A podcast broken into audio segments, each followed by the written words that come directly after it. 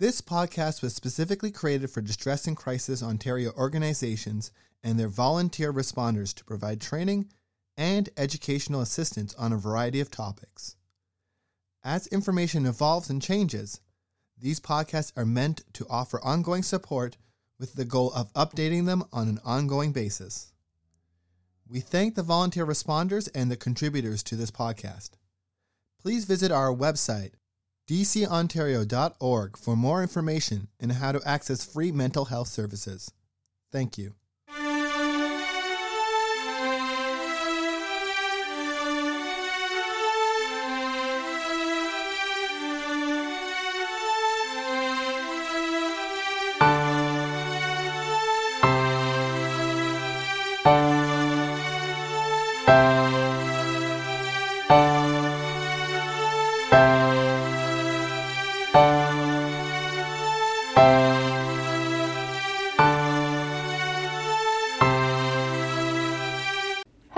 My name is Caitlin Plant, and I am the Program Manager at Distress and Crisis Ontario.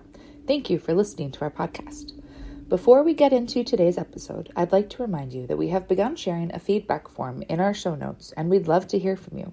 If you have any constructive feedback, concerns, requests for future content, questions about topics we've covered in the past, or would like to share anything else related to our podcast, you can access the show notes by clicking or tapping on the episode title and viewing more information if needed.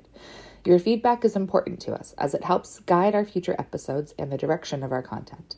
You can also contact us directly by emailing us at info at dcontario.org.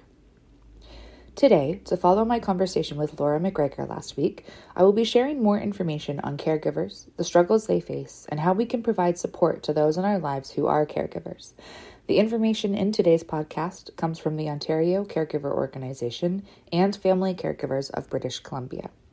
If you are a caregiver living in Ontario, the Ontario Caregiver Organization, or OCO, is an excellent resource for connecting with services, support groups, and information. You can visit their website at www.ontariocaregiver.ca. As Laura mentioned in our conversation last week, one of the main emotional effects of caregiving is extreme isolation and loneliness. Many caregivers enter their caregiving journey not knowing how to be a caregiver or what the expectations of the role are. It is common for them to struggle with feelings of guilt around whether they are doing enough to support the person they care for and for grieving the loss of what might have been or the life they had before. As we know from our podcast on ambiguous loss, this form of grief can be complex and challenging to move through. Challenges with navigating healthcare and social service systems often increase these emotions while adding feelings of being dismissed when developing care plans and sometimes feelings of being judged or blamed for the health status of the person they care for. Being a caregiver can also create an immense amount of financial strain. Needing to give up employment to provide full time care, paying for additional services, buying medical equipment, and more can all come with a high cost.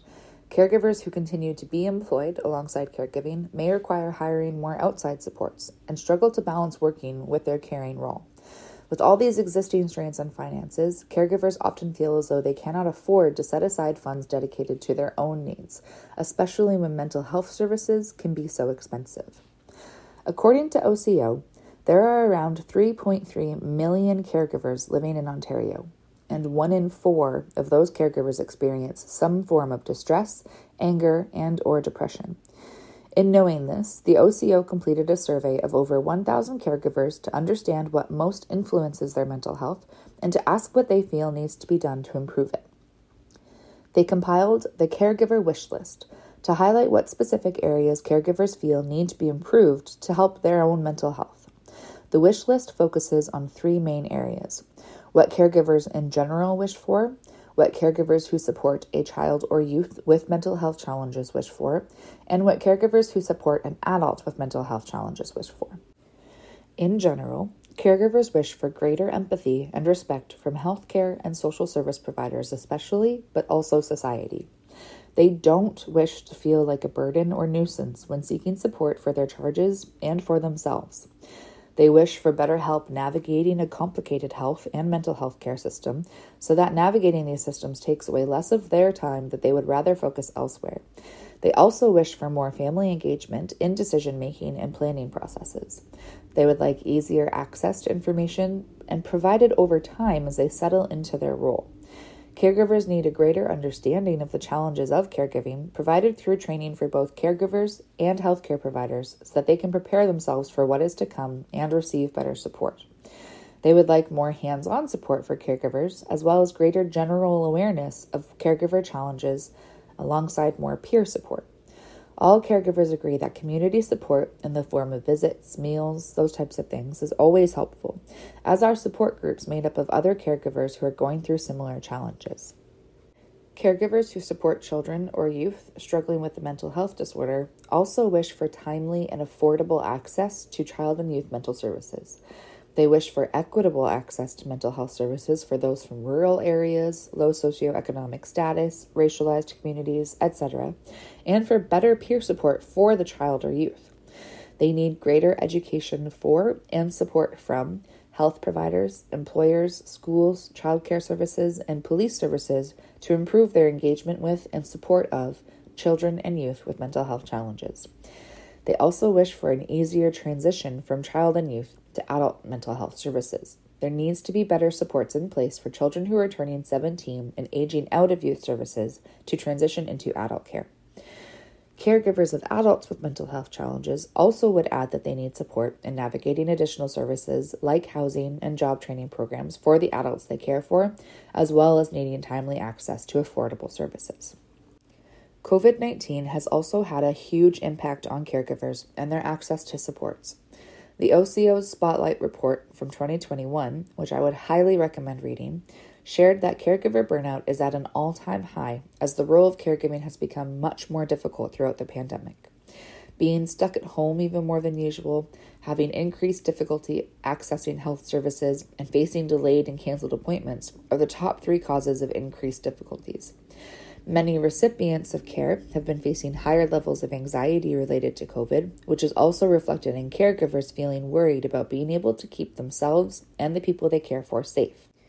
A loss of pre COVID services and increased costs for remaining services have also led to caregivers taking on additional care roles and feeling increasingly isolated.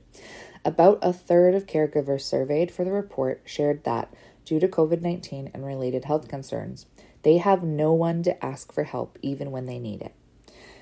Everything I've talked about so far barely scratches the surface of what caregivers are facing and the needs they have for both the persons they are caring for and themselves. With many healthcare systems continuing to struggle due to staffing shortages, lack of rooms, and long wait times, caregivers feel as though things are not likely to improve anytime soon. They are in desperate need of support now more than ever. So, what can we do? Firstly, and most importantly, as we've already talked about, we can all listen. Whether you are a healthcare or service provider, employer, family member, friend, or just an acquaintance, we can all ask the caregivers in our lives how they are doing and give them space to answer honestly. We can hold room for them to express all their feelings of frustration, loneliness, hopelessness, and even anger without trying to solve any problems we cannot fix or passing any judgment on their emotions. If you are a healthcare or service provider, do your best to recognize caregivers as an essential partner in care, and as much as possible, include them in decision making and care plans.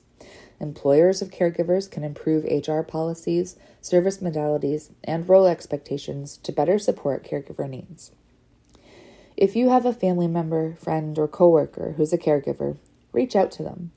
As Laura said in our conversation last week, we sometimes worry about doing or saying the wrong thing, but it is so important to push past any discomfort and just do your best to connect.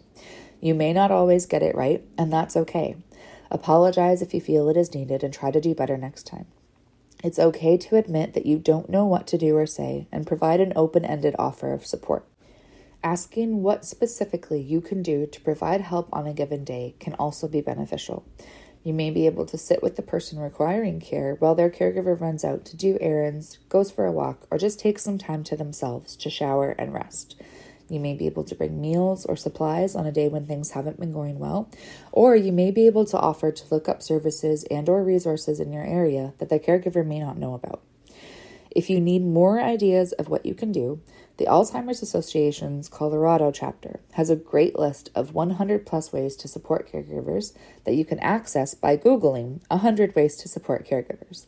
Their PDF is titled 100 Plus Ways to Support Caregivers by Sharing the Care and includes suggestions of errands, emotional support, household chores or maintenance, logistical support, and more. The Ontario Caregiver Organization also has an incredible number of resources, webinars, courses, toolkits, and more. Again, their website is www.ontariocaregiver.ca. If you live in a province other than Ontario, I would encourage you to look up a comparable organization in your area. Carers Canada is also a great resource for caregivers across the country, as well as those supporting them, and can be found at www.carerscanada.ca. If you are a caregiver listening to this podcast and are struggling with anything I've shared today, or if you have anything else going on in your life right now, especially if you feel like you have no one to talk to about these things, our member centers and or ONTX would be more than happy to provide you with a listening ear. Responders would also be happy to help look up resources or services in your area to free up some of your time. Many of our members have phone services that operate 24 7, as well as text and chat services that may operate at different times. ONTX is available through text or chat from 2 p.m.